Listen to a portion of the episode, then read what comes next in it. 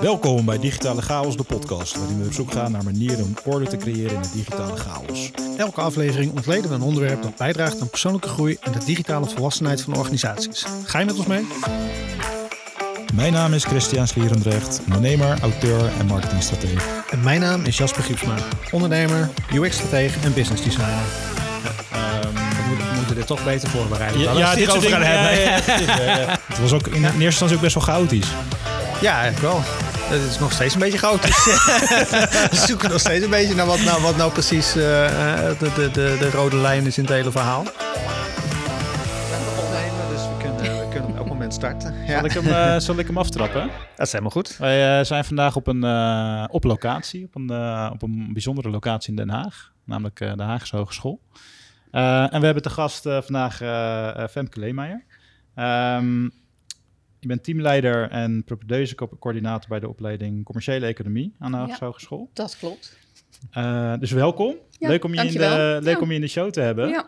Ehm, maar je hebt natuurlijk ook een, een, een bredere ervaring eh, dan Zeker. alleen maar eh, die je hier hebt gedaan. Ja. Ehm, zou jij kort eens wat kunnen vertellen over jou, jouw reis tot nu toe en hoe jij hier... Mijn werkende reis tot nu toe, ja. Nou, ik, ik draai al heel wat jaartjes mee. Ik eh, eh, heb heel lang in, in eh, de uitgeefsector gewerkt. En dan met name in de wereld van de publieksbladen. Waar ik uitgeeftaken heb vervuld, ehm, commerciële taken. Ik ben marketingmanager geweest. Ik ben uitgever, commercieel manager. Dat soort taken heb ik gedaan bij heel veel verschillende redelijk bekende bladen. Bijvoorbeeld Psychologie Magazine of ehm, de Denksport puzzelbladen heb ik ook nog voor gewerkt. Ehm, ik heb gewerkt voor de Quote, voor de L, voor de... eh, nou, wat zit daar nog meer? Ja, Santé bestaat niet meer. Heel veel bladen bestaan Ja. natuurlijk niet meer, hè? Ja. Want het, eh, het leven in de bladenwereld is eh, heel hard. En ik ben op een gegeven moment, een jaar of tien geleden, gaan freelancen. Toen heb ik mijn eigen marketingconsultancy eh, eh, bedrijfje opgericht, eenmansbedrijfje. Heb daar heel veel leuke opdrachten in gedaan. Ook eh, veel eventorganisatie, met name voor bladenmakers. Mhm. En eh, zo langzaam maar zeker ben ik het onderwijs ingerold. En op een redelijk late leeftijd dacht ik, god, dat is eigenlijk ontzettend leuk. En dat doe ik nu. Tof, Ja. tof. Ja, en het linkje hoe wij elkaar kennen. Hè? Dus eh, ik denk een, eh dus ik al meer dan een jaar geleden dat... Ja, ja, dat is al wel een jaar geleden. Ja, dat jij een exemplaar van Wo- Wordt eens volwassen opvroeg. Ja, Ehm, klopt. Om te kijken of dat iets voor jullie onderwijs Ja, zou, eh, ja, zou wij zijn. geven een, eh, aan, aan eh, studenten van deze hogeschool, niet alleen aan studenten commerciële economie, maar breder, geven wij een eh, minor of minor eh, social media en business.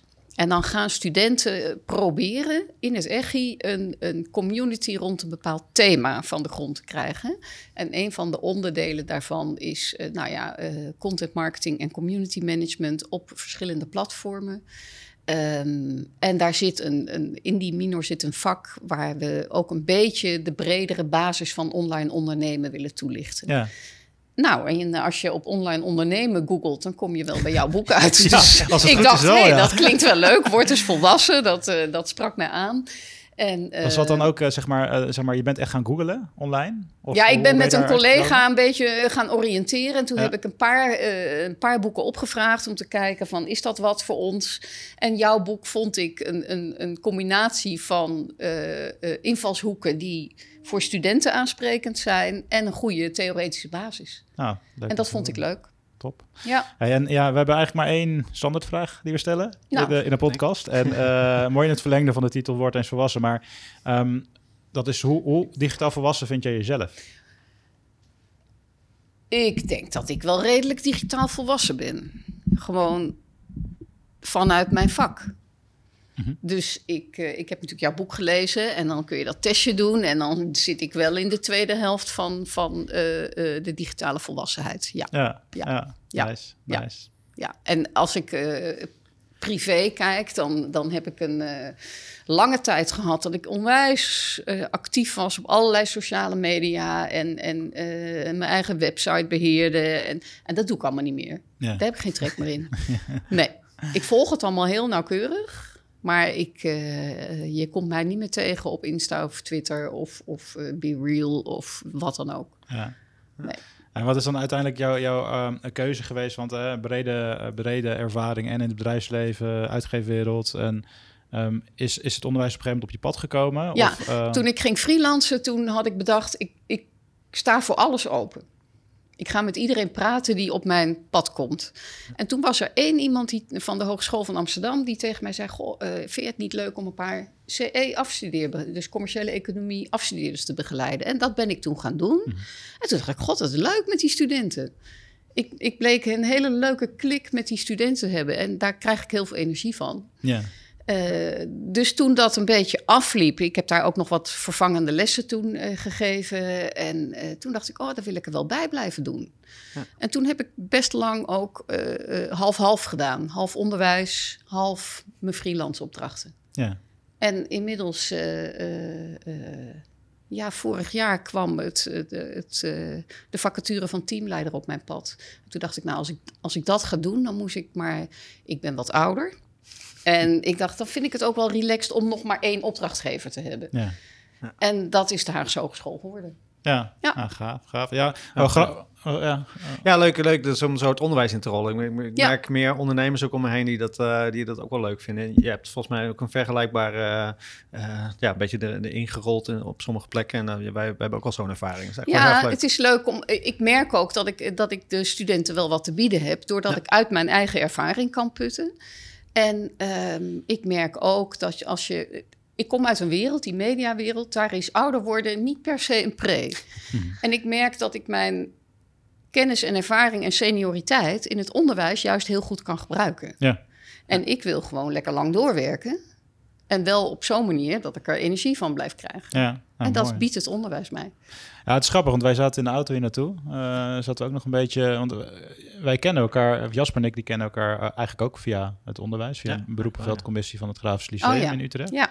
Omdat we daar beide gewoon vanuit het bedrijfsleven betrokken waren. Alleen, het blijft toch best wel een, een, een onderwerp. Hoe, hoe, ja, hoe verklein je eigenlijk de, de afstand tussen onderwijs en de arbeidsmarkt? Ja. En uh, dat vind ik ook nog wel interessant om eens misschien even bij stil te staan. Want ehm, wij merken gewoon dat um, uh, als je bijvoorbeeld een stagiair krijgt, um, je kan, ja, en als je dan best wel de tijd hebt om iemand uh, te, te, laten, begeleiden, te laten begeleiden ja. dan kan je echt enorm groeien, enorme ja. stappen maken. Alleen, zeg maar, um, als iemand gewoon afgeleverd wordt van een studie, dan zijn ze vaak nog niet helemaal klaar. Niet af. Of de, de, nee. nog niet af. Maar dat maar. kan ook niet, denk nee. ik. En het is wel interessant om te kijken van hoe, ja, hoe kan je die gap verkleinen? Je kan die gap nooit helemaal dichten. Nee. Um, maar hoe zou, je dat, uh, hoe zou je dat kunnen verkleinen? Heb je, heb je daar, daar een visie op?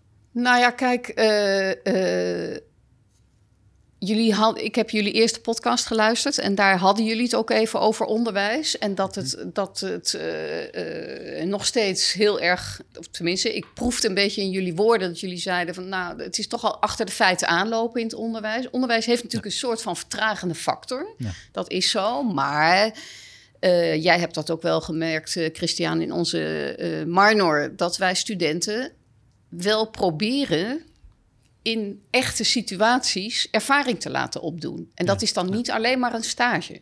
Maar dat, dat, vind, dat vond ik enorm uh, sterk ook aan uh, wat er in de minor gebeurt. Want daar gaan jullie letterlijk gewoon, de studenten die gaan dus een, een site uh, bouwen. En ja. ze gaan gewoon echt ja. traffic naar hun, ja. website En ze moeten trekken. doelen stellen. En dan gaan ze in het begin zeggen, nou, we willen binnen tien weken duizend bezoeken op onze website. zeg ik, nou, succes. en dat lukt dan niet, weet je. Dus het is heel erg op de ervaring. En ze krijgen van ons ook te horen als je je doelstellingen niet hebt gehaald, betekent dat niet dat je een onvoldoende krijgt. Ja. Ja. Als je maar kunt reflecteren op wat je hebt gedaan en als je maar hebt laten zien dat je iedere keer een stapje terug doen, bijschakelen, tweaken. Kan er iets anders? Wat heb ik gedaan? Wat zeggen die statistieken mij? En waar kan ik wel op doorpakken? Dus dat hele iteratieve zit in deze minor heel erg in. Ik zal niet ontkennen dat er ook vakken zijn die nog wat traditioneler zijn. Maar daar wordt wel heel hard aan gewerkt. Binnen onze uh, opleiding commerciële economie, om daar echt een slag te maken. Ja, mooi om te zien. Ook mooi, mooi voorbeeld ook. Ja. Uh, inspiratie voor andere opleidingen. Ja, en we werken ook steeds meer. Hè, want, want het is voor ons ook ontzettend belangrijk natuurlijk dat wij mensen afleveren die het bedrijfsleven in, of het werkende leven in kunnen. Ja.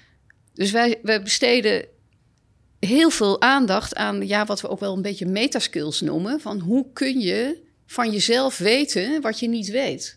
En hoe weet je dat je jezelf moet blijven ontwikkelen? Ja. En waar kun je eh, eh, eh, ja, die, die skills, die, die skillset die je nodig hebt om. We weten allemaal leven lang leren. Nou, dat, dat, daar ontkomen we niet meer aan. Ja. Dus die bagage proberen wij de studenten heel erg mee te geven. Ja, nou, maar wat mij ook opviel, hè, want eh, ik heb uh, tenminste na, na dat gastcollege wat ik Ja. helaas heb gegeven, kwam ook een van de studenten uh, naar me toe met de vraag van, hey, ik ben me aan het oriënteren of Ja. ik meer met marketing wil gaan doen of een marketingstudie wil gaan Ja. doen na, na de studie die ik nu doe. Ja, ze- Eh, en ze- mag ik je wel interviewen? Ja, precies. Heel leuk. Mag ik je wat vragen Ja, stellen op een ja. ander moment? En toen dacht ik ook van, ja, heel leuk gesprek gehad overigens. Ehm, eh, maar dat brengt wel, je hebt een bepaalde mindset nodig om die stap ook te maken. Ja. En wat ik ook begreep is dat, dat je dus ook studenten daarin stimuleert. Ja, Absoluut. Of, eh, wat Ja. je net benoemd, meter, maar ook een mindsetstuk. En dat is Ja. natuurlijk een, een wereld eh, eh, aan zich die ik ook in mijn boek omschrijf. Ja, klopt. Maar maar hoe, hoe, hoe, wat geef jij daar studenten in mee? Hoe, hoe stimuleer je ze om daar iets mee te gaan doen? Ehm, nou, ook door uit mijn eigen ervaring te melden van... goh, ja, eh, kijk naar mij. Ik, eh, ik ben daar begonnen, ik ben daar uitgekomen. En ik zeg ook altijd, ik heb nooit een marketingopleiding gedaan. Same hier.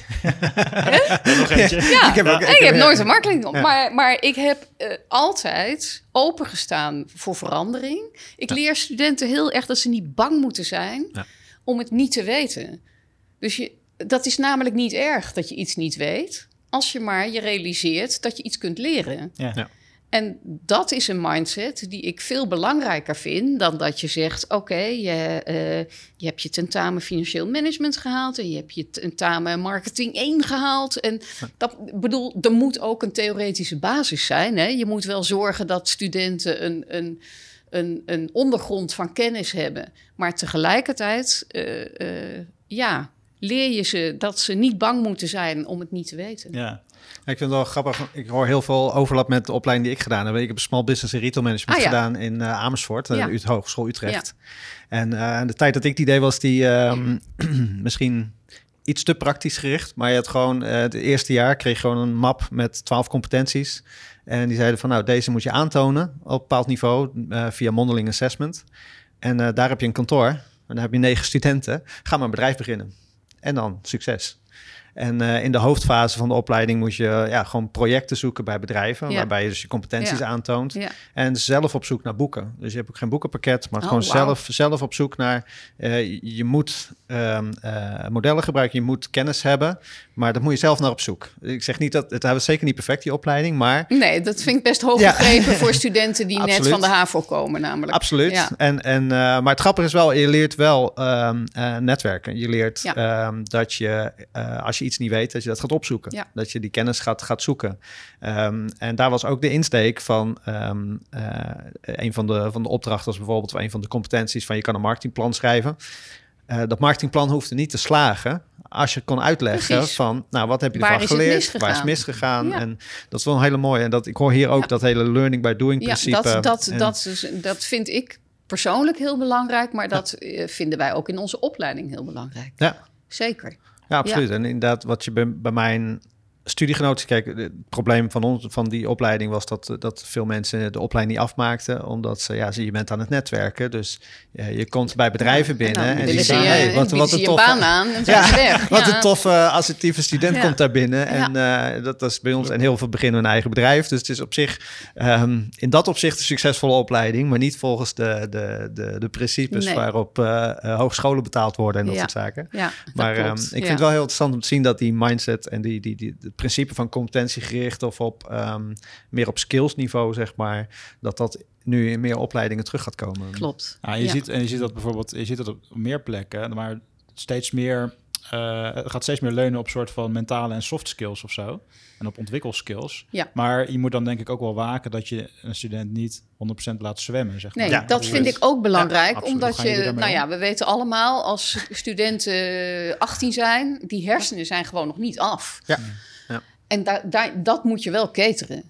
Dus het is, ik vind het wel belangrijk om vanuit die levensfase van die studenten te blijven denken. En ze wel houvast en kader te bieden. Maar tegelijkertijd de veiligheid om die fouten te kunnen maken. Ja. Ja. En uh, ik, ik ben ook geen voorstander van alleen maar soft skills ontwikkelen. Ja. Nee. Want uh, uh, het, ik, het beroepenveld vraagt natuurlijk ook wel om een soort basiskennis Ja. die niet verjaart. Ja.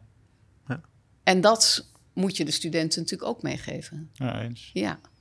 Dat is voor mij destijds de reden geweest om voor het financiële stuk een minor te gaan doen. Dus ik heb toen Ah, ja. eh, eh, de minor finance voor Ja, non-financials precies. gedaan. Die heb ik dan weer in de, Ja. in de eh, als, als training toen ik al werkte gedaan. Ja, precies. hoor. Dat is Ja. hele, eigenlijk was dat heel gek. Want ze, want de- ik, ik, kwam, ik weet nog dat ik binnenkwam bij die minor en dat ze zeiden: van, ja, maar jij doet toch een, een, een commerciële, financiële opleiding of een, aan, de, aan de FEM? Ik zei: Ja, dat klopt. Ze zei: Waarom doe je dan deze minor? Want dat moet je op je opleiding krijgen. Ik zei: Ja, maar Dat, hè, moeten we zelf uitzoeken. Ja, en oh, dat ja, precies. Probleem is met, Ja. met die kennis, die moet je eigenlijk iets gestructureerder Ja, eh, krijgen. eens. En dat is inmiddels Eens. aangepast in de Ja. opleiding hoor. Dus nu meer een balans tussen Ja. inderdaad die basiskennis en de vrijheid. Ja, Maar ehm, ja, dat vond ik dat was wel, Ja. wel grappig om te zien. Ja. Ja.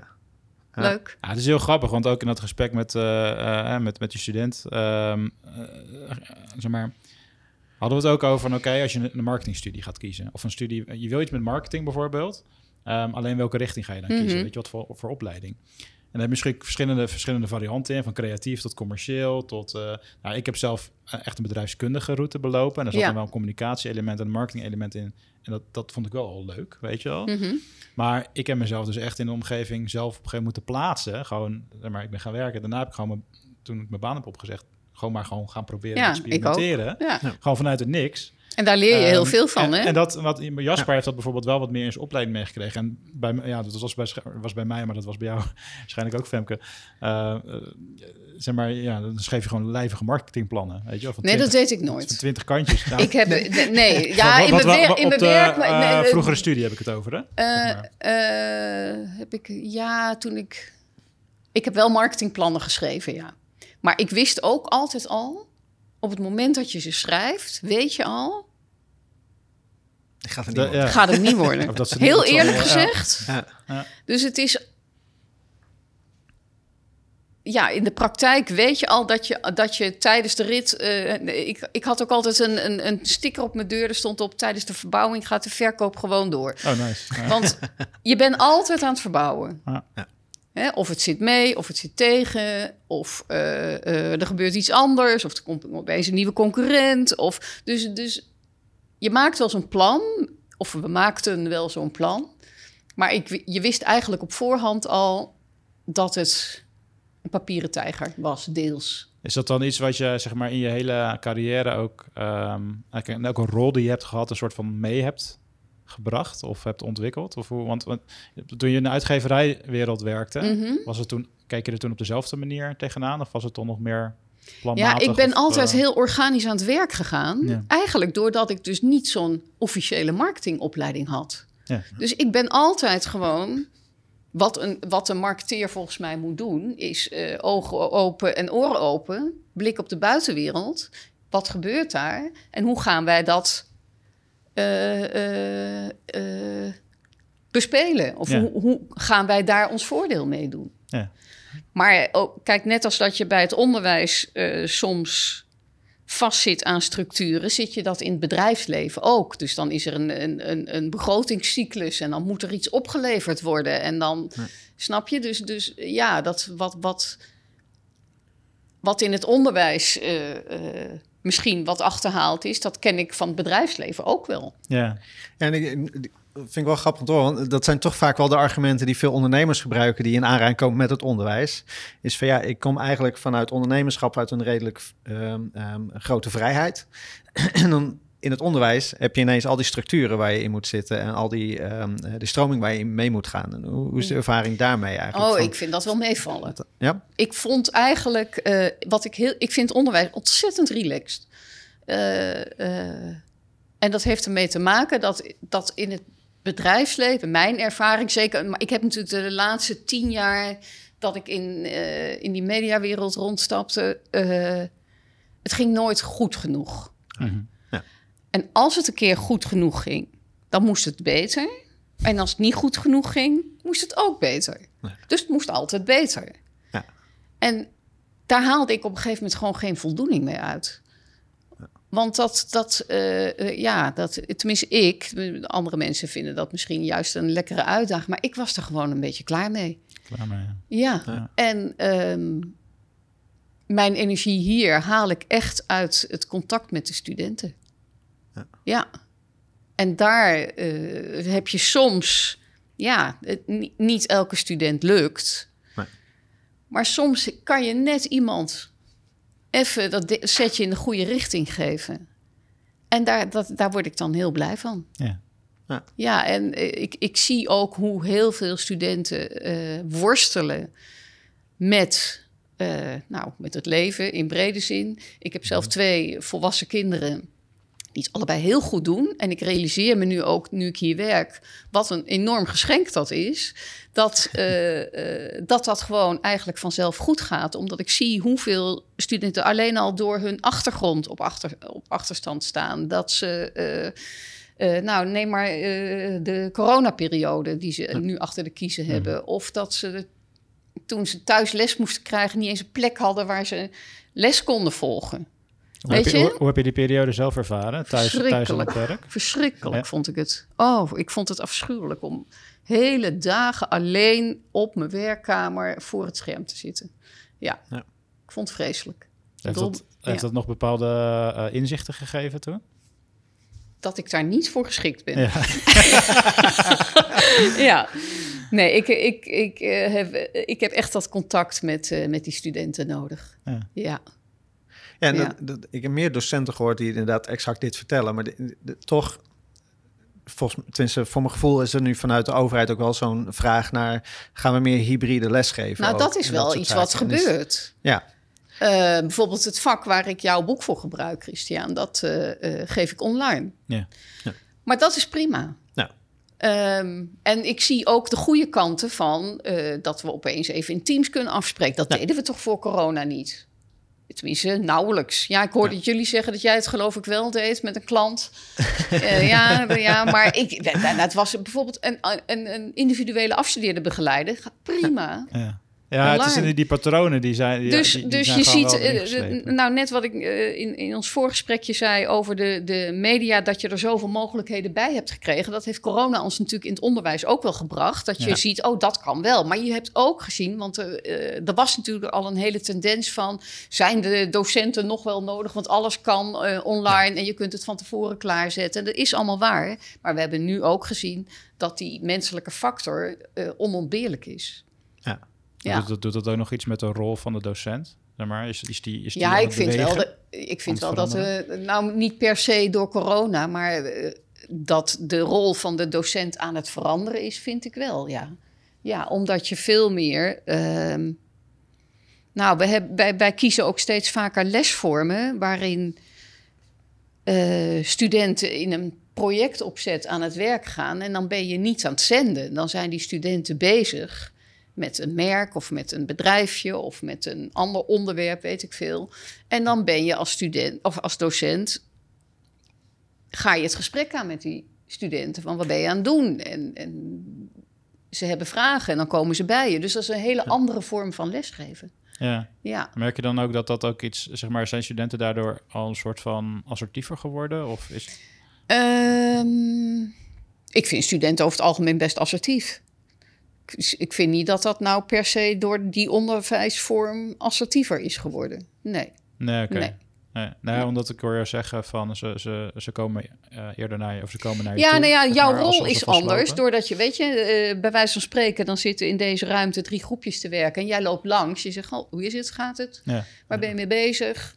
En ehm, ja, dat, dat, dat is heel anders dan eh, toen ik hier startte. Stond ik nog eigenlijk eh 80% voor de klas. Ja. En dan had ik een, een PowerPoint-verhaal en dan eh, eh, was het klaar. En af en toe doe ik dat nog wel hoor, want soms is dat ook heel lekker en soms werkt dat ook prima. Dus helemaal niet een disqualificatie van, Ja. van die lesvorm, maar niet alleen maar die lesvorm. Nee, snap ik. Nee. Ja. nee. Dus die variatie is wel veel groter geworden. Ja, precies. Ja. ja, we hebben eh, vanuit ons wel eens assessment weken gedaan op het Grafisch Lyceum. En dan ik vond het wel een heel contrast met toen ik op school zat. Oh, ja? Als je dat studenten hebt die dan, dat is, wel, dat is dan MBO uh, het tweede jaar. En dan zie je toch inderdaad studenten die met hun jas aan in de klas zitten, in een lokaal ja. zitten. ja, dat beeld herken te, ik ook nog Zitten hoor. te gamen in, de, in de lessen. Telefoons weg. Ja, meester Jasper steekt daar dan toch een stokje voor. ik, uh, ik, ben, ik, ik merkte wel dat voor de klas ben ik iets uh, ouderwetser in dat opzicht. Ik heb dan wel zoiets van, ik vind dan wel dat je maar moet dat opletten is, maar, maar en dat, moet doen. dat, dat ja, dat brengt die situatie eigenlijk automatisch met zich mee. Omdat ja. jij voor die klas staat. Die studenten gaan altijd zo ver mogelijk achterin zitten. Ja. Houden Ja. hun jas aan. eh, pakken niet een laptop of een schrift. Of een, eh, dus, dus dan moet je al dat hele traject door voordat je aan Ja. je les begint. Ja. Dus eh, op het moment dat je in een projectlandschap zit... dan is die hele setting al anders. Ja. Ja, je hebt een andere context, Ja, zeg maar. je hebt een andere eigenlijk. context. Ja. Ja. Ja, is interessant. Er kwam bij mij even een, eh, een, een, een beeld terug van toen ik een keer voor de klas stond. eh, van eh, een, opdracht die de studenten hadden gekregen om een soort wireframe te maken. Conversie, geoptimaliseerd voor conversies. En dat er een groepje zo een beetje lacherig naar voren kwam met een vierkantje en een knopje erin en één tekstje. Dat ik zei van, Prima. deze gasten hebben het goed gedaan. Ja. Zij snappen Die snappen het. Terwijl ze eigenlijk zoiets hadden van, ja, we maken het onszelf ja. er makkelijk vanaf. Maar Ja. interessante dynamiek die dan kan ontstaan. Ja, maar het, het blijft altijd zoeken. Hè? Net als dat je, eh, als je eh, in de minor, als die studenten bezig zijn met het bouwen van die community. Ja, dan is het ook stapje naar voren, twee stapjes terug, stapje naar voren enzovoort. En dat is natuurlijk in het onderwijs ook. Ja. Want je probeert iets, je denkt, nou, dit werkt niet. Ja. En dan ga je weer iets anders verzinnen. En nou ja, ik vind dat leuk, want dan blijf je ook scherp en, en je bent altijd creatief met je vak bezig. Ja. Ehm, ja, dat mislukt natuurlijk ook wel eens wat. Ja, precies. Ja. En wat, wat is uiteindelijk de, ehm, eh, de reden dat je eh, eh, Wortels vast hebt gekozen om dan in dat speelveld te gaan gebruiken? Ehm, nou, wat ik zei, je, je haalt voorbeelden uit. Bijvoorbeeld, eh, ik vond, ik heb zelf helemaal niks met pokeren, maar ik had een zoon die dat ook heel spannend vond. In die, precies in die periode dat Ja. jij beschreef dat jij daar ook mee bezig was. En ik dacht, dat spreekt studenten aan. Hè? Je, hebt, je gebruikt een taal die voor die studenten begrijpelijk is. Ehm, en ik vond het eh, goed in elkaar zitten, eh, omdat je vanuit een bepaalde mindset denkt. En daar ook die gewoontewereld bij betrok. Want als je alleen maar een methode hebt, dan kan je honderd keer leren. Mhm. Maar als je niet de juiste mindset hebt en het ook niet weet te verankeren in de manier waarop je met je bedrijf bezig bent, ja, dan heb je niks aan een methode. Ja, Dus ik vond het compleet. Daar ben ik het natuurlijk helemaal eens. Ja, want anders had jij het niet geschreven. het, het, het grappige, het grappige is dat, zeg maar, zeg maar, ik ben dus begonnen met een methodestuk. En, ja, dat snap ik wel, want dat is wat je doet. En dat en eerst heel lang dacht ik dat dat het boek moest worden. Ja. Alleen toen, ja, toen werden er twee dochtertjes geboren en er is gewoon drie, vier jaar overheen gegaan. Dat ik besefte dat het mindset en, en het, het gewoontestuk, dat kan je daar niet los van zien. Nee, en dat is wel iets wat ik in de praktijk heel erg heb ervaren. Ja, dat mensen eh, eh, eh, bij alleen maar het doen, dan, dan mis je aan beide kanten inderdaad, bij de start en bij, de, bij de, het continueren, dus duurzaam eh, eh, innoveren, mis je dan iets. ja. Dus, en, en, dat is, en dat haakt eigenlijk weer aan die skills die wij die studenten mee proberen te geven. Van wees niet bang als je iets niet weet, maar zorg dat je een open mind houdt. Ja. Ja. En zorg dat je van jezelf weet dat je soms moet bijsturen op dingen. En dat maakt dat ik het boek leuk vind. Ik ben het trouwens ook niet helemaal alles eens met waar jij mensen in indeelt. Die, die categorieën die jij hebt gekozen voor generatie Ja. X. En dan denk ik, wat is dit nou voor kullijstje? Die heb Ja. ik niet zelf bedacht. Nee, maar dat, dat, dat eh, eh, de huidige generatie backpackt en dat, eh, nou ja, dat verhaal, Dus dacht dat- ik, dat mag er wel uit. dus een beetje ge, ge, gechargeerd. en Enorm gechargeerd, enorm gechargeerd. ja, ja, dat, Maar dat zijn details natuurlijk. Maar ja, die hele lijn, die klopt. Dat gevoel heb. En dat merk ik ook aan de studenten. Want het, het, leuke is ook dat ik... eh, ik gaf eerst dit vak met een ander boek. En zag ik weinig aansluiting met het vak social media planning, wat ik ook in de minor geef. En met jouw boek loopt dat eigenlijk heel goed in elkaar over. En dat is voor mij ook een, een signaal van dat het grote verhaal klopt. Ja. En dat vind ik belangrijk, want een minor is natuurlijk een soort mini-opleidingje waar een kop en een staart aan zit. Ja. En eh, als dat goed oplijnt met elkaar, dan heb je een goed verhaal. Ja. En dat blijkt ook. Dus dat is leuk. Ja, wel mooi Ja. om te horen. Ja, en ik vind dat ook wel. ehm, ehm, we hebben dat al eens gehad in eerdere afleveringen over bepaalde eh, methodes die je dan leert in het verleden. En dat je dan denkt van, ja, maar dit, daar kan ik niks mee. Of dat, dat past niet. Of het is ouderwets. Of wat dan ook. En dat je dan vijf, zes jaar later dat model erbij pakt en denkt, hé, hey, dit matcht precies met waar Ja. ik nu mee bezig ben. Ja. En ehm, eh, dat, dat merk je inderdaad van, je kan nog zoveel methodes, je kan nog zoveel methodieken kennen. ehm, maar ze moeten ook klikken. Ze moeten ook, zeg maar, het- in, het je moet ook de situatie vallen. zien. Ja, dat En- klopt. En dat is inderdaad die koppeling met die mindset en ook met die gewoontes van oké, als je dan met dingen bezig gaat en je gaat ze echt herhalen, toepassen herhalen, herhalen. en de principes erachter kent, dan, eh, ja, dan klikken ze op gegeven Ja. moment. En dan Nee, maar aan. bijvoorbeeld, want jij vertelde in je eerste gastcollege eh, in september Mhm. over jouw LinkedIn-strategie. en, dat, en, en, en daar zaten zoveel praktische handvatten weer in. Ehm, dat je een uur lang actief blijft nadat je een post hebt eh, geplaatst. eh, dat je altijd eh, reageert. En er was nog iets, dat ben ik even kwijt wat dat was. Maar dat resoneerde zo goed bij de studenten. Dat in de assessments kwam dat af en toe nog terug. Dus Oh, dat vond ik heel leuk. Heel ja, gaaf. ja.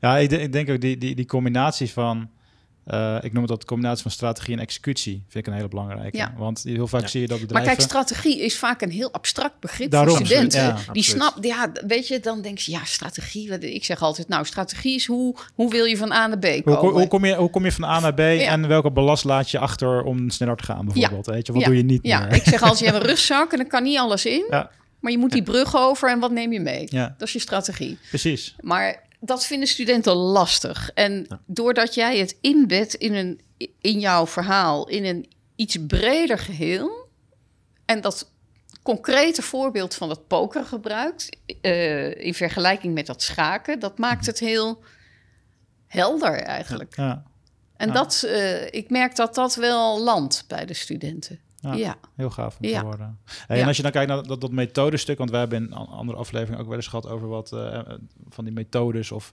eh, modellen die dan eh, eh, inderdaad een paar jaar later landen.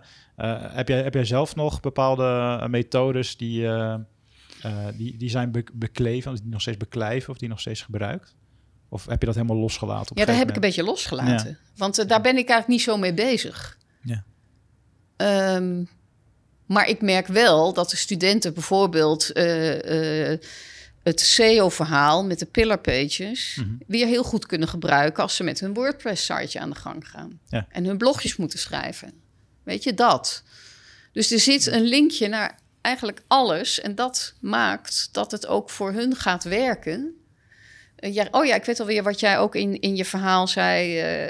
dat je ook echt op regelmatige basis die statistieken. Bekijkt. Hè? Nou, wij, wij zeggen dan, want die, die studenten moeten dan bij onze contentplanning maken. Waarvan we ook weer zeggen, dat is niet in beton gegoten. Daar kan je altijd bij eh, werken. Maar vast moment voor je statistieken. Maakt niet uit of donderdagavond of maandagochtend is, maar wel een vast moment. En in het begin vinden ze dat, dan denken ze nou met de onzin. Waarom nou weer op, per se op donderdagavond? Ja, en, en aan het eind snappen ze dat. Oh, grappig. Wat, en wa- en, en wat, ehm, wat bleek dan, of hoe bleek, waar bleek het uit dat ze het snapten? Zeg maar? Nou, dat ze, dat ze eh, zeggen van ja, dan, kunnen, dan zijn we appels met appels aan het vergelijken in plaats Ja. van appels met peren. Ja. En dat, dat is natuurlijk precies wat je wil. Dat ze zien van oké, wat betekenen die statistieken? Niet van eh, ik heb 100 volgers, nou hartstikke leuk. Maar Ja. eh, wat doen die volgers en wat deden ze vorige week? En dan kun je die ontwikkeling gaan, gaan zien. En dat leren ze dan. Ja, ik vind het heel mooi dat, dat de studenten dan op dat, dat inzicht op een gegeven moment ook zelf krijgen, zeg maar. Ja, maar dat is natuurlijk de bedoeling. Ja, ik kan het wel dan- dan- vertellen. anders Ja. beklijft het ook niet. nee, zeg anders maar. beklijft het niet. Nee. Want ik kan het honderd keer zeggen, maar ze moeten het zelf ervaren. Ja. Ja, Ja. dit- ik zie dat ook in, het, in de praktijk ook hoor. Want je ziet veel bedrijven die dan wat, wat, wat nog wat minder ver zijn met eh, digitale marketing. Die, eh, eh, die zijn nog niet gewend om bijvoorbeeld data te interpreteren. Nee. Of om te zien wat het, wat het voor impact kan hebben. Of die Nou geloven ja, er en misschien het, nog een beetje in. het enge gevoel dat het nooit af is. Ja. Dat, ja, dat is natuurlijk wat mensen vaak die denken: ja, maar dan, eh, dan, dan, dan moet die website er staan, punt. Ja, Ja. Terwijl dat is natuurlijk niet zo. ja true. En dat is ook, eh, dat kan ook heel bevrijdend werken, maar dat kan ook nog in het begin een beetje eng voelen. Ja.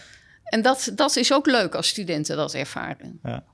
Ja, want dat, dat is natuurlijk ook een beetje een metafoor voor het echte leven. Laten we wel wezen. Nee, zo, zo, zo zit je natuurlijk ook in het leven. Het is nooit Ja, maar af. dat, net Ja. het, het klinkt, het klinkt juist heel Filosofisch, in dat Ja. opzicht. Ja. Van, Ja. eh, weet je, existentialistisch. Zo van, eh, ja. je moet ja, het zelf nee, maar doen dat is wel, eh, als je, als je maar gaan daarmee kunt dealen, Ah, dat is een groot goed. Helemaal mee eens. Kijk, als je hem zeg maar, terugkijkt naar van oh, ook, hoe- ja, je, je gaat de basis, je komt van de basisschool af, dan doe je je CITO-toets, dan ga je je middelbare school doen, dan eh, ga je misschien een studie doen of je gaat werken. Ja, en maar. dan ben je 18, weet jij veel? ja, en je, bent, je hebt allemaal soort van eh, stapjes gedaan en je hebt labeltjes gekregen, maar ja, dan, dan, dan ga je het, eh, het, het werkende leven in.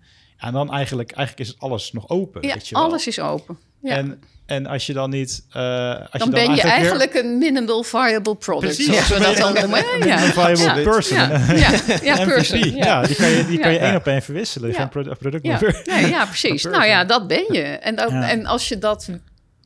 eh, als je daarmee kunt dealen... dan kun je heel ver komen, denk ik. Want dan Ja. ben je niet bang. Ja.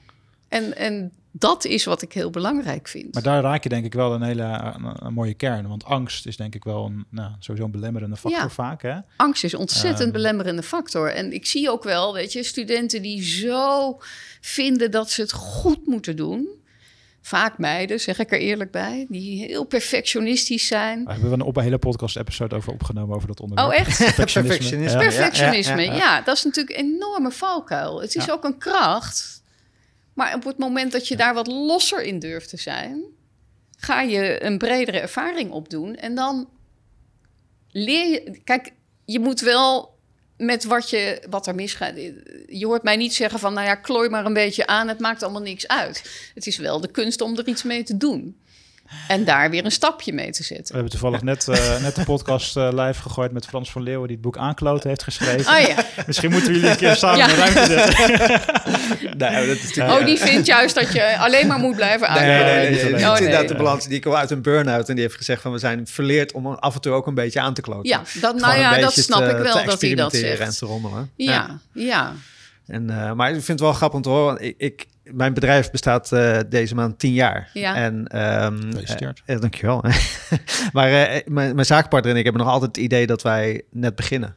Oh ja. En we hebben continu het gevoel Oh ja. van, eh, we zijn inderdaad continu in verandering. En we hebben ongeveer elke drie jaar zo'n cyclus waarin we onszelf een beetje opnieuw uitvinden. ja. En ehm, ik vind het wel grappig inderdaad, van, het, het voelt nooit af, Nee, zo'n bedrijf. maar niks is ooit af. Nee, Niks. Nee, dus het is eigenlijk het handelen van, van misschien wel het, het- dat, je, dat je angst hebt dat iets niet afkomt. Maar dat moet je eigenlijk loslaten. Ja, Want niks is af. Ja, dat, dat ja nou ja, kijk, ja. eh, angst is er natuurlijk wel. Bij filmen. Ik, ik ken ook angst. Alleen de kunst is dan om er naar te leren kijken, denk ik. In plaats van er door Ja, helemaal te ingezogen te worden. En ik heb ook vaak zat momenten in mijn leven gehad. eh, nou, vroeger had ik best wel hele heftige angsten over bepaalde Mhm. dingen. En nu kan ik zien hoe mij dat toen belemmerde. Ja. Maar dat is ook, ja, weet je, dat is ook iets wat, wat, wat je meeneemt in je leven en wat je moet ervaren. Dus ik, ik kan dat wel vertellen aan studenten, maar ze moeten ook zelf daar doorheen. Ja. En dat is gewoon levenservaring opdoen. Dat vind, dat vind ik een heel interessant. Ik, was, ik ben onlangs eh, mijn 41ste verjaardag eh, gevierd. Nou, en, gefeliciteerd. eh, dankjewel. En, en ik had... eh, zal maar ik niet had, zeggen Ik had, een- een- ik had 41, 41 lessen die ik tot nu toe heb geleerd... dat ik in een LinkedIn-post gedeeld. Oh ja, die heb ik gezien. En, ja. een, en een ja. daarvan was... eh, eh, niks is zo moeilijk eh, over te brengen op anderen als ervaring. Ja. Ja. Ja. ja. Het is niet voor niks ervaring. Ja, maar of zijn er wel manieren waarop je dat kan doen? Nou, of kan eh, versnellen, zeg maar. Ehm, nou, ik denk wel dat als je als je, je open opstelt, Ja. dat ik ook laat zien dat ik eh, eh, niet perfect ben en dat ik ook soms maar een beetje aanklooi en dat ik eh, ook mijn slechte tijden heb gekend en ook mijn goede tijden. Met andere woorden, dat je gewoon bent wie je bent, authentiek bent. Dat is volgens mij de crux om ervaring ook te kunnen overdragen. Want dan ben je geloofwaardig. Ja.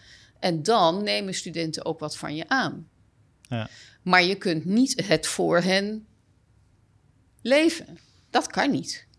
Nee. En dat is ook niet goed, want eh, eh, je moet je eigen leven eh, vorm gaan geven. Je, moet je, je bent zelf verantwoordelijk, maar je hebt wel hulp en steun nodig. De regisseur van je eigen leven. Tuurlijk. Wel grappig hoe hier eigenlijk het, eh, het onderwijs ook een beetje weer een metafoor is richting het bedrijf. Want als, dit is ook waar ik als leidinggevende tegenaan loop. We zijn Ja. personeel begonnen. En je wil inderdaad je personeel zeggen van ja, maar het- doe het nou zo. Want eh, dat, dat hebben wij geleerd van dat Ja. moet op die manier. Alleen op een gegeven moment ook geleerd van je, je moet ze mensen ook de ruimte geven om hun eigen fouten te, te kunnen Absoluut. maken en hun eigen Ja. ervaringen daarin op te Ja. doen. Je kan natuurlijk wel voor zorgen dat je een veilige ruimte creëert of Dat een, is of heel een veilige context creëert. Dat is heel belangrijk. Ik begin ook heel vaak mijn lessen met te zeggen: zeg het gewoon als je het niet weet. Ja. Want dat is, daar zijn we Precies. hier Dat is voor. onderdeel van het proces. Dat is namelijk belangrijk dat je dat ook gewoon durft te zeggen. Kijk, en eh, eh, eh, wat je als, als docent of als leidinggevende, mijn ervaring is geweest dat in wat jij zegt van ja, eh, mijn route loopt zo. En iemand anders gaat zo. Maar Ja. als hij daar ook uitkomt, op hetzelfde plekje, Ja. dan is het ook goed. Ja. Eh, ik, ik, heb, eh, ik heb altijd fulltime gewerkt. En mijn man is heel lang thuis geweest toen onze kinderen klein waren. En de manier waarop hij het huishouden deed. Ik dacht, my goodness.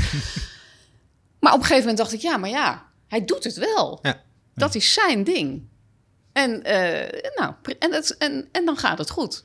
Ja. Dus dat heb je met studenten ook. Ik, ik, ik, ik zal niet meteen, eh, als ik een student begeleid, zeggen... nou, dan moet je dat gaan doen, dan moet je zussen zo. Dan zeg ik, nou, wat, eh, wat ben je van plan? Laat eens even zien. Maar ook niet loslaten. Weet Ja. je, als we een afspraak maken... oké, mevrouw, ik ga een planning inleveren... en die planning komt niet, nou, dan... neem ik even contact. zeg ik, hé hey, Pietje, ik zou toch wat eh, van jou krijgen. Dus Ja. dat is weer Ja, die precies. kaders eh, eh, Ja.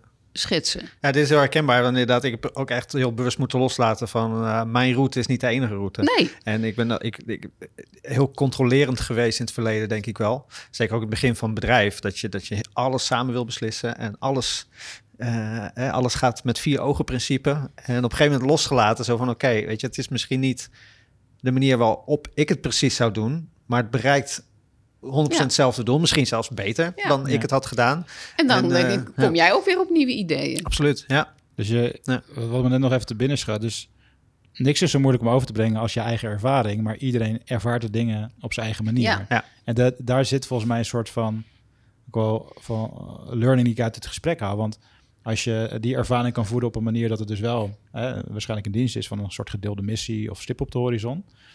eh, maar je niet, niet dirigeert hoe het moet. Ja. eh, En je moet soms echt op je handen zitten. dan, Ja. En soms geduld, Ja. en soms geduld Ja, hebben. en denk, nou ja, oké, eh, nou, dat is, deze ronde is het nog niet. Nou, Ja. misschien wordt het de volgende ronde. Ja, ik bedoel, als je kinderen eh, opvoedt, dan eh, heb je natuurlijk precies hetzelfde. Exact. Ja. En dan denk je ook, ja, ja hij moet toch even eh, zelf die fout maken. Ik, eh, ja, niet voor niks. Dus mijn eerste bladzijde, oh, eerste bladzijde van mijn boek staat ook eh, dat ik meer geleerd heb van mijn kinderen dan van 20 jaar onderwijs. Ja, over kinderen groei, zijn- over het thema groei, zeg maar. Kinderen zijn je spiegel, hoor. Het zijn een, een enorme spiegel. En ik hoorde ooit iemand zelf zeggen, en toen hadden we het over, over ehm, meditatie en zo. En die zei van, wat, meditatie? Je hebt twee jonge kinderen. Dat is gewoon jouw spiritual practice voor de komende twee jaar.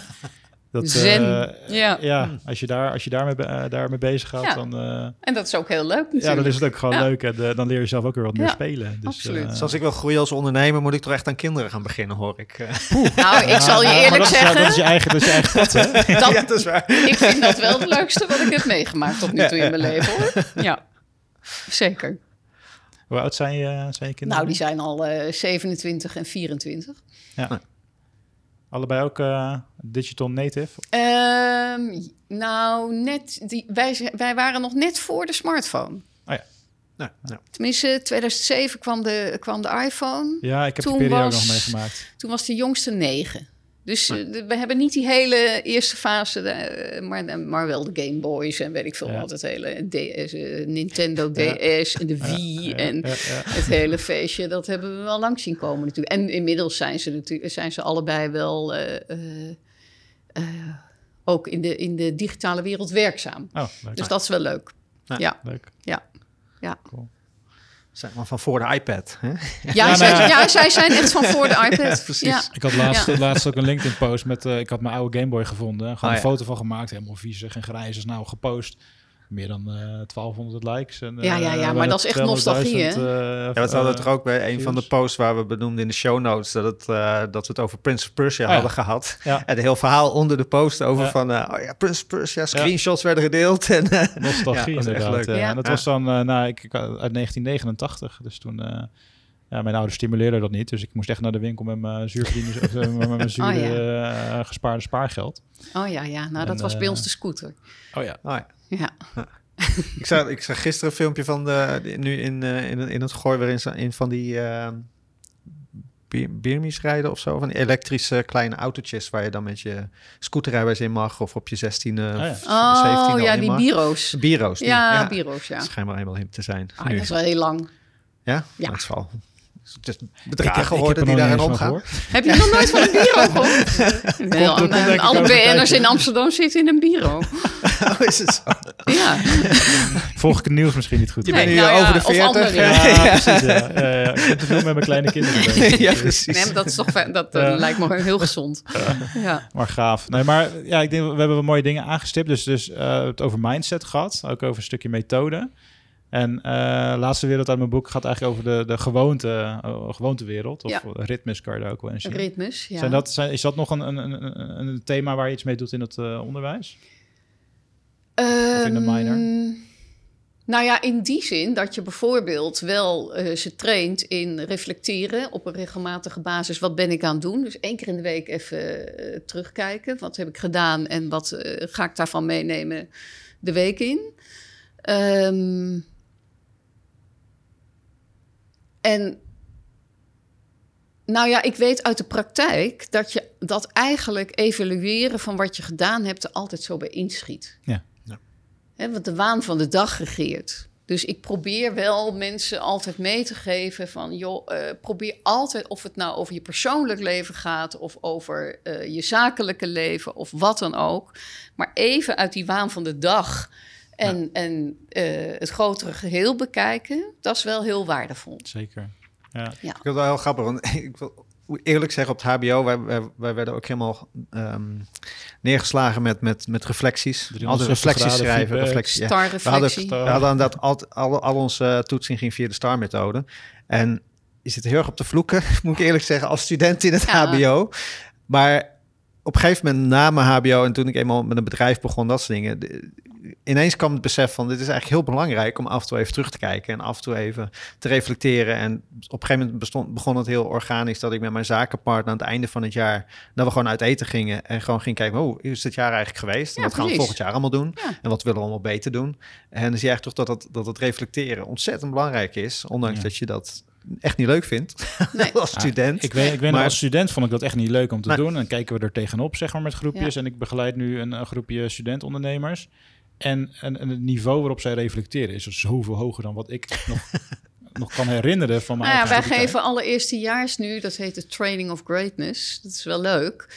Dan, dan, dan gaan ze eigenlijk, is dat een soort training in persoonlijk leiderschap, Mhm. Waarin ze eh, leren doelen voor zichzelf te formuleren en daar ook mee bezig te blijven middels een weekplanner. Elke week even kijken van God, hoe is het gegaan? Ja. En dat resoneert wel heel erg bij de studenten. Ja, kan ik me En, voorstellen. eh, ik vind dat wel heel belangrijke bagage. Ja. Maar het is waar dat je ook, eh, ja, studenten denken ook, ja, een starreflectie. Nou, dan moet, Alweer. weet je, dat ze denken, meer zo'n verplicht nummertje. Dus het is ook altijd wel een beetje zoeken naar, eh, eh, nou ja, ervarend leren zeggen we dan ook wel, hè? Ja. Gewoon even je neus stoten. Wij zijn in ons team op een gegeven moment zijn we gestopt met feedback en zijn we begonnen met feed forward. Ja. Dus dat je echt naar voren gaat Ja. kijken en dat je Wat zelf, je zelf definieert wat je wil gaan bereiken. En uh, dat je wel leert uit het verleden, maar dat je eigenlijk vooral naar de toekomst kijkt. Ja. En, hoe ga ik dat realiseren? En wat we, hoe we het nu praktisch hebben ingericht, is zeg maar, uh, wij gebruiken dan Slack. Um, als je het hebt over communicatie online of onderling. en dan hebben we nu ook zo, en dat is heel leuk, heel geeky, maar Geekbot heet dat. En dan krijg je elke ochtend krijg je gewoon de vraag van wat zijn je drie belangrijkste doelen vandaag? En wat nog meer? Wat houdt je tegen? En aan het einde van de week hebben we een vergelijkbaar iets. Dus vanochtend had, zat ik hem net, toen ik op jou zat te wachten in de auto, nog even ingevuld voor mezelf. Een stukje weekreflectie. Ja. dus wat ging er goed? Wat kan er beter? Waar was je trots op? Uh, uh, nou, ik moet zeggen dat ik die discipline niet meer heb hoor. Maar ik weet het wel hoor. Het is, het is, uh, wat wij eerst deden, wij deden, we hadden eerst is gewoon dat we met name in team stand-ups, dat we er gewoon een update hebben. Oké, wat doe je? Waar loop je vast? En dan ging je het daarover hebben. Nou, nu heb je dat gewoon, eigenlijk heb je gewoon dat al staan. Iedereen kan het van elkaar zien. En dan kan je gewoon echt die momenten pakken om gewoon even wat dieper ervoor te zorgen dat je dus vooruit kan komen. En dat je problemen kan oplossen. Ja. Dus je bent wat minder aan het, uh, ja, aan het herhalen. Ja, precies. Want daar, dat wil je ook voorkomen. En je focust veel meer, van, ja, je focust veel meer Nou weet ik het wel, hoe ik in elkaar zit. Ja, ja. Dus daar, ja toch? Ja. Dus daarom vind ik het ook wel heel, heel cool om te horen... dat jullie dus ook een soort weekritme hebben uh, met de studenten... En, en dat is ook een ritme. Ja, dat, is, dat, dat is niet elke, dat is, dat is een korte periode. Ja. Wij plannen dat aan het. We, hebben semesters hè, van mm 20 weken. En die zijn weer verdeeld in twee keer 10 weken. Die eerste 10 weken gaan ze gewoon aan de slag. En in die tweede 10 weken hebben we deze training. Want dan hebben ze de ervaring van eerstejaars, hè, die net begonnen zijn, die hebben dan de ervaring van: oh, oké, dit is het aan het HBO studeren. Mhm. Oeh, ik moet wel even uh, aan de bak. En dan helpt zo'n training om overzicht te creëren. Want dat is best wel heel moeilijk voor veel studenten. Om, om, weet je, wij zijn inmiddels zo getraind in van... oké, ik weet mijn week gaat, ik moet daar dat doen... en dat kost me zoveel tijd en ik moet dat niet vergeten. En we geven in onze agenda dingen kleurtjes... want dan weet je precies wat het betekent. Maar die bagage hebben studenten niet. Nee. Nog niet. En dat kun je met zo'n training wel uh, ze ook weer wat, gewoon wat handvatten geven om het uiteindelijk zelf te gaan doen. Ja. ja. ja ik zie het ook een beetje terug in de opkomst. Tenminste, dat is een opkomst, maar wel jaren dat het bullet journalen en zo ineens heel populair werd. En dat een bullet journalen. Dus heb je een soort journal met een soort format waarbij je zegt van oh, ik maak nu uh, stel uh, de het doel voor deze week. Um, wat zijn uh, de tien belangrijkste taken? Wat zijn oh, de tien ja. taken die. Ik noem het gewoon een to-do lijstje. ja, precies. Maar dat je word je eigenlijk helemaal gefaciliteerd in het zowel vooruitdenken als terugdenken. Dus dan ah, heb je een zondag heb je een reflectiemoment en dan oh, heb je dan ja, allerlei formats van boekjes waarin je dus als een soort journal. Ja je leven een beetje, een beetje bijhoudt. en bepaalde geven. Maar dat is gewoon heel belangrijk. Dat, je, dat, je, kijk, en het is voor iedereen weer anders. Wat, wat mijn systeem is, dat hoeft voor jou niet te werken. Als je maar weet dat het handig is om ergens een beetje een systeem te hebben wat bij jou past. Ja, en je hebt er volgens mij ook nog twee lagen. Dus je hebt er zeg maar gewoon met, met acties, wat ga je doen? Um, maar in journaling kan je ook nog kijken naar bijvoorbeeld wat, wat wil ik? Ja, wat, precies. dus de wat grotere vragen. Ja, ja, ja, zeker. zeg maar. zeker. Als je dat dan beide meeneemt, en dan, dan hoeft het echt niet heel veel tijd te kosten. Want dat is vaak waar mensen tegenaan gaan hikken. Weet je, oh, moet ik nog iets doen? En elke dag. En ja. oh, een ochtendritme van uh, eh, 20 stappen, weet je wel. Dat is ook niet altijd nodig. Nee precies. maar het is echt een vorm zoeken die een beetje bij je past. Ja, of zo. dat, is het gewoon. Maar het, is wel, het zijn wel tools waarmee je dus, als je het hebt over gewoontes, waar je dus letterlijk jezelf gewoontes kan aanleren. Ja. vind ik ook wel mooi dat jullie dat dan inderdaad een periode van tien weken volhouden, omdat dat dan ook alweer bewezen is. Dat, nou, die training is wel iets compact, die is vier weken, maar dan haken oh we er wel iedere keer weer bij aan. Dat, dat, uh, uh, dat doen we wel. ja. Ja. Maar het is wel een langere periode zoiets volhouden is wel belangrijk. Bij Heel belangrijk. Soort, uh, gewoontes. Ja. ja. Hey, en uh, Femke, als jij, uh, stel je zou de, de, de, baas van het onderwijs zijn, of de minister van Onderwijs, oh, en, je zou, jeetje. en je zou één ding, één ding mogen gaan veranderen, wat zou je dan, wat zou je dan uh, kiezen? Nou, dat vind ik echt ontzettend moeilijk om dat te bedenken. wat zou ik nou veranderen? Ik weet het niet. Ja. Het zit wel goed in elkaar. Zit wel goed. Nou ja, er zijn natuurlijk oh, je kan overal commentaar op hebben. Maar ik zie ook. Um, bedoel, er zijn heel veel systemen waar mensen van denken: waarom moet het in dit systeem en waarom moet het nou, waarom kan het niet op mijn eigen manier? En um, nou ja, kijk, ik zou, ik zou toch wel heel erg veel meer uh, willen koersen nog op mensen de bagage meegeven om een leven lang op een leuke manier. Uh, te kunnen blijven werken. Ja, goeie. Ja, dat vind ik geloof ik toch, dat zou ik dan uh, uh, nog meer willen benadrukken. En, en op welk vlak zie je dat dan? Is dat dan gaat het dan om, om een stukje mentale weerbaarheid of ja. een stukje... Ja, ja. Ja, echt gewoon de studenten, de, het onderwijs zo in te richten dat de studenten de bagage hebben om een succesvol werkend leven te leiden. En ook, uh, wat ik in het begin al zei, die angst in de ogen te durven kijken uh, en, en daar iets mee, concreets mee te kunnen doen. Ja. Ja. En dat, daar, daar is heel veel. Ik vind dat daar best veel aandacht is voor, voor is in het onderwijs. Maar ja, je, je, het, het, blijft natuurlijk een, een, iets wat ook in beweging is, net als bedrijfsleven. En, en nogmaals, er zijn. Vanochtend had ik een gesprek met mijn opleidingsmanager, met een van onze docenten. En toen zei hij op een gegeven moment van, nou ja, ik wil best misschien wel heel veel dingen veranderen. Maar ik weet ook dat veranderingen niet snel kunnen gaan. Ja. Dus als ik over ja. vijf jaar een ja. opleiding onder mijn hoede heb... die voor 60% is wat ik wil, dan ben ik blij. Dus dat vond ik eigenlijk wel een mooie uh, uh, constatering. Dat het, het is mensenwerk, er zitten systemen aangekoppeld... en je kan op alles schelden. Je kan op alles zeggen van... nou, vroeger deden we het niet anders en dat ging prima... Maar de wereld is gewoon in beweging. Dus, ja. dus als je meegaat, dan wordt het wel een stukje leuker. Ik vind het wel een heel mooi, mooi perspectief hoe je het schetst. Want hè, we hadden het eerder over uh, dat er een soort vertraging misschien zit. Dat soms sommige veranderingen wat langer duren. Ja. Uh, 60 procent. Um, en in het bedrijfsleven, ja, ik, ik heb heel lang gestreefd naar 100% doelen behalen, maar dat werkt niet. Nee, gaat Toen niet. ik dat ben gaan loslaten en ik ben meer uh, gaan streven naar gewoon, oké, okay, je stelt een, een, stip op de horizon ja. en je focus je op het proces, ging ik 80% van de doelen halen en dat was meer dan genoeg. Ja. En, um, en, en, en als, als een omgeving complexer wordt of, of meer geïnstitutionaliseerd, ja, dan, dan, dan gaat het misschien nog iets langzamer. Ja, door, en, door dat en, te omarmen, zeg maar, ja. ga je wel mensen aantrekken die er ook op een bepaalde manier aan kunnen werken, dat, het niet, dat een verandering niet stuk bij stuk loopt, kan ik me voorstellen. Ja, nou ja, en, en um, van het goede uit blijven gaan vind ik ook altijd heel belangrijk. Ja. Dat, dat op voorhand niet denken dat uh, iets is omdat het systeem het wil. Of, maar dat we er vanuit. Je moet wel kritisch blijven. Maar niet alles meteen doodknuppelen bij, bij de eerste, de beste kleine tegenslag of verandering die je niet zint. Dat vind ik ook belangrijk. Ja. Ja. ja. Nou, mooi. Ja. Ik een mooi inzicht. Uh, ja. Ik denk, ik zou bijna zeggen om hem af te sluiten. Dat, heb jij nog een laatste brandende vraag? Die nou, nee, er zijn genoeg dingen die bij me opkomen. En denk ik van, nou ja, ik vind dit wel een mooie, mooie afsluiting. Ja. Nou. Dankjewel okay. ja. voor dit mooie gesprek. Graag gedaan. Graag gedaan. Ik vond het ook leuk. Ja, ja. dat is mooi. ja. Dank je. Oké. Okay.